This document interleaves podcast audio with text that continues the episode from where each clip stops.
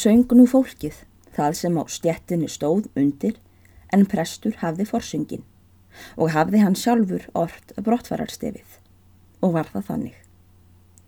Fylgi þér máur, farsæld nú, fagnaðar kerin hljóttu, þess óskum mér af ást og trú, allt eins um dag sem nóttu.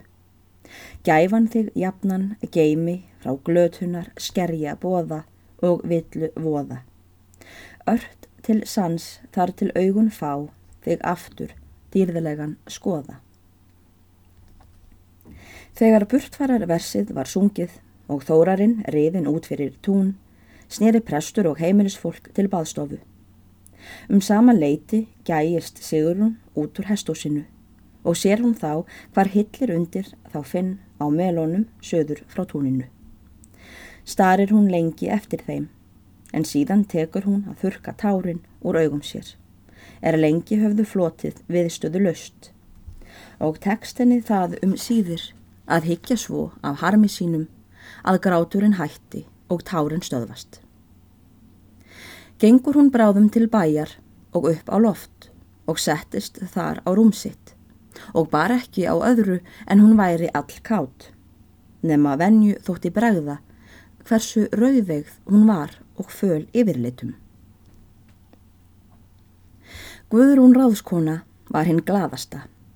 Ekki bar hún Sigrúnu kveðju þórarins, en það var eins og hún hefði einhver grun á því að ekki lægi sem best á Sigrúnu og að tilefnið myndi vera það að henni þætti brott fyrir þórarins, ekki alls kostar góð. En það notaði Guðrún sér það þann dag allan var henni uppsigað að tala um þórarinn og hafa hann jafnan áðurunum og rakti hún allan forlega feril hans á Suðurlandi. Þar myndi hann, sagði hún, komast í mikinn veg og gengi og myndi það vart likja fyrir honum að koma þar á slóðir aftur eða í staðarrepp. Það væri sínt að hann myndi staðnæmast þar siðra. Fyrst myndi hann verða skrifari nokkur ár hjá síslumanni og komast í kærleika við hann.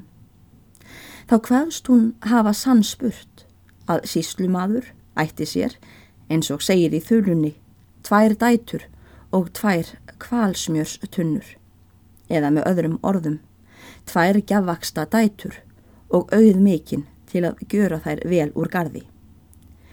Væri ekkert líkara en þórarinn bæri sig að krækja í aðra kvora þeirra dætrana. En það væri það líklegt að síslumadur vildi unna honum þess kvonfangs, en maðurinn væri álitlegur og vel að sér í mörgu.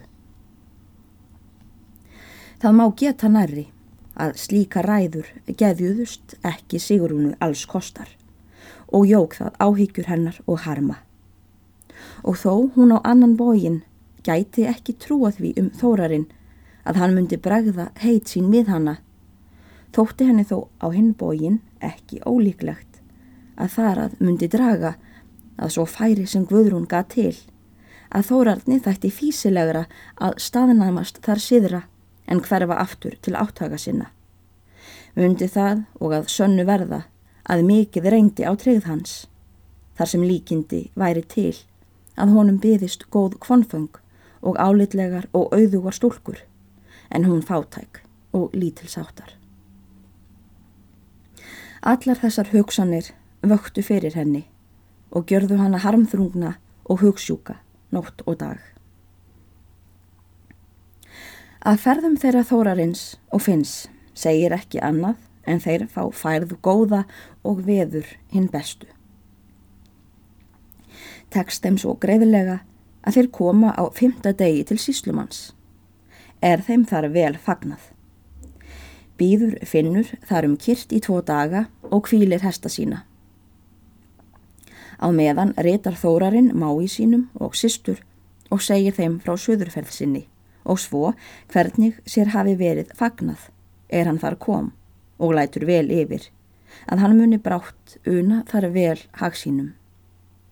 Þá skrifaði hann og Sigrúnu til og selur brefið í hendur finni vini sínum og beður hann gæta þess vandlega og segir honum að láta þeir ekki fara fleiri manna á milli en hans og Sigrúnar og heitir finnur honum því, en þórarinn heitir vináttu sinni á móti. Síðan snýr finnur aftur heimliðis og kemur hann að stað og skilar þar brefum þeim er hann átti að flytja til prests og húsfreyju. Sigrúnu fekk hann bref þórarins svo að engin maður annar var þess vís. Tekur Guðrún eftir því að henni virtist yfirbræð Sigrúnar öllu hýrlegra en áður eftir það finnur komað sunnan og dregur hún þar af líkur til að svo gæti verið að hún hefði fengið bref frá þórarni og vill fyrir hvern mun komast eftir hvort nokkuð í væri. Og eitt morgun gjörir hún sig mjög vinanlega með Finn Bjarnason og dregur hann með sér inn í búr. Læsir síðan búrinu og setur þar fyrir hann súsaða lundabakka og hrútskjama mikinn og annan fagnað og byður hann að fá sér þar bita. Særst síðan á dalleit þar í búrinu og tekur að spyrja Finn ymsra tíðunda af Suðurlandi og þar kemur loks að hún frettir hann að hvort Þórarinn hafi sendt Sigrúnu nokkurt bref og neytar finnur því. Þá spyr hún hann hvort hann hafi ekki átt að skila hverju til hennar og segir finnur nei við því. Hafi hann engum beðið að helsa sér í lægin nema þeim hjónum og svo Guðrúnu og verður Guðrún hardla glöð við það. Og inn er hann oflega að hvort hann segi það nú satt.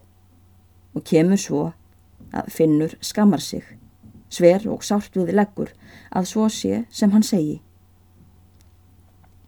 Ljúka þau svo talinu að Guðrún trúir því. En finnur þykist vel hafa veitt og óskar þess með sjálfum sér að hann kæmi á hverjum degi af Suðurlandi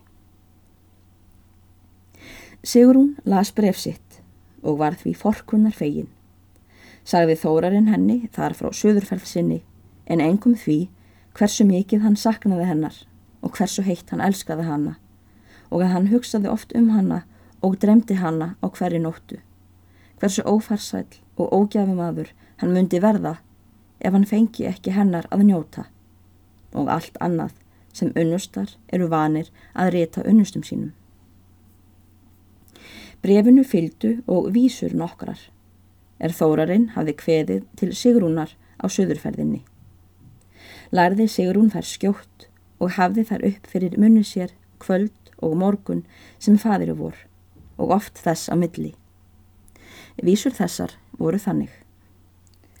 Sé ég í fjarska fjöllin blá, er fyrrum gladur sat ég hjá, þar sem fasta tók ég tröð, tinda við og sælu byggð. Sé ég í fjarska fjöllin blá, þau fyrirst mig og vilja í sjá.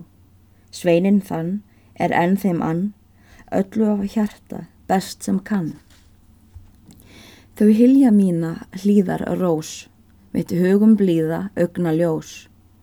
Hrýmdokk vist svo vökvið er, vinnur hennar burt þá fer. Veit ég að þið tryggða tröll, hinn tröstu og gömlu Íslands fjöll. Hlýð minni hlýða rós, hún er minnar æfiljós.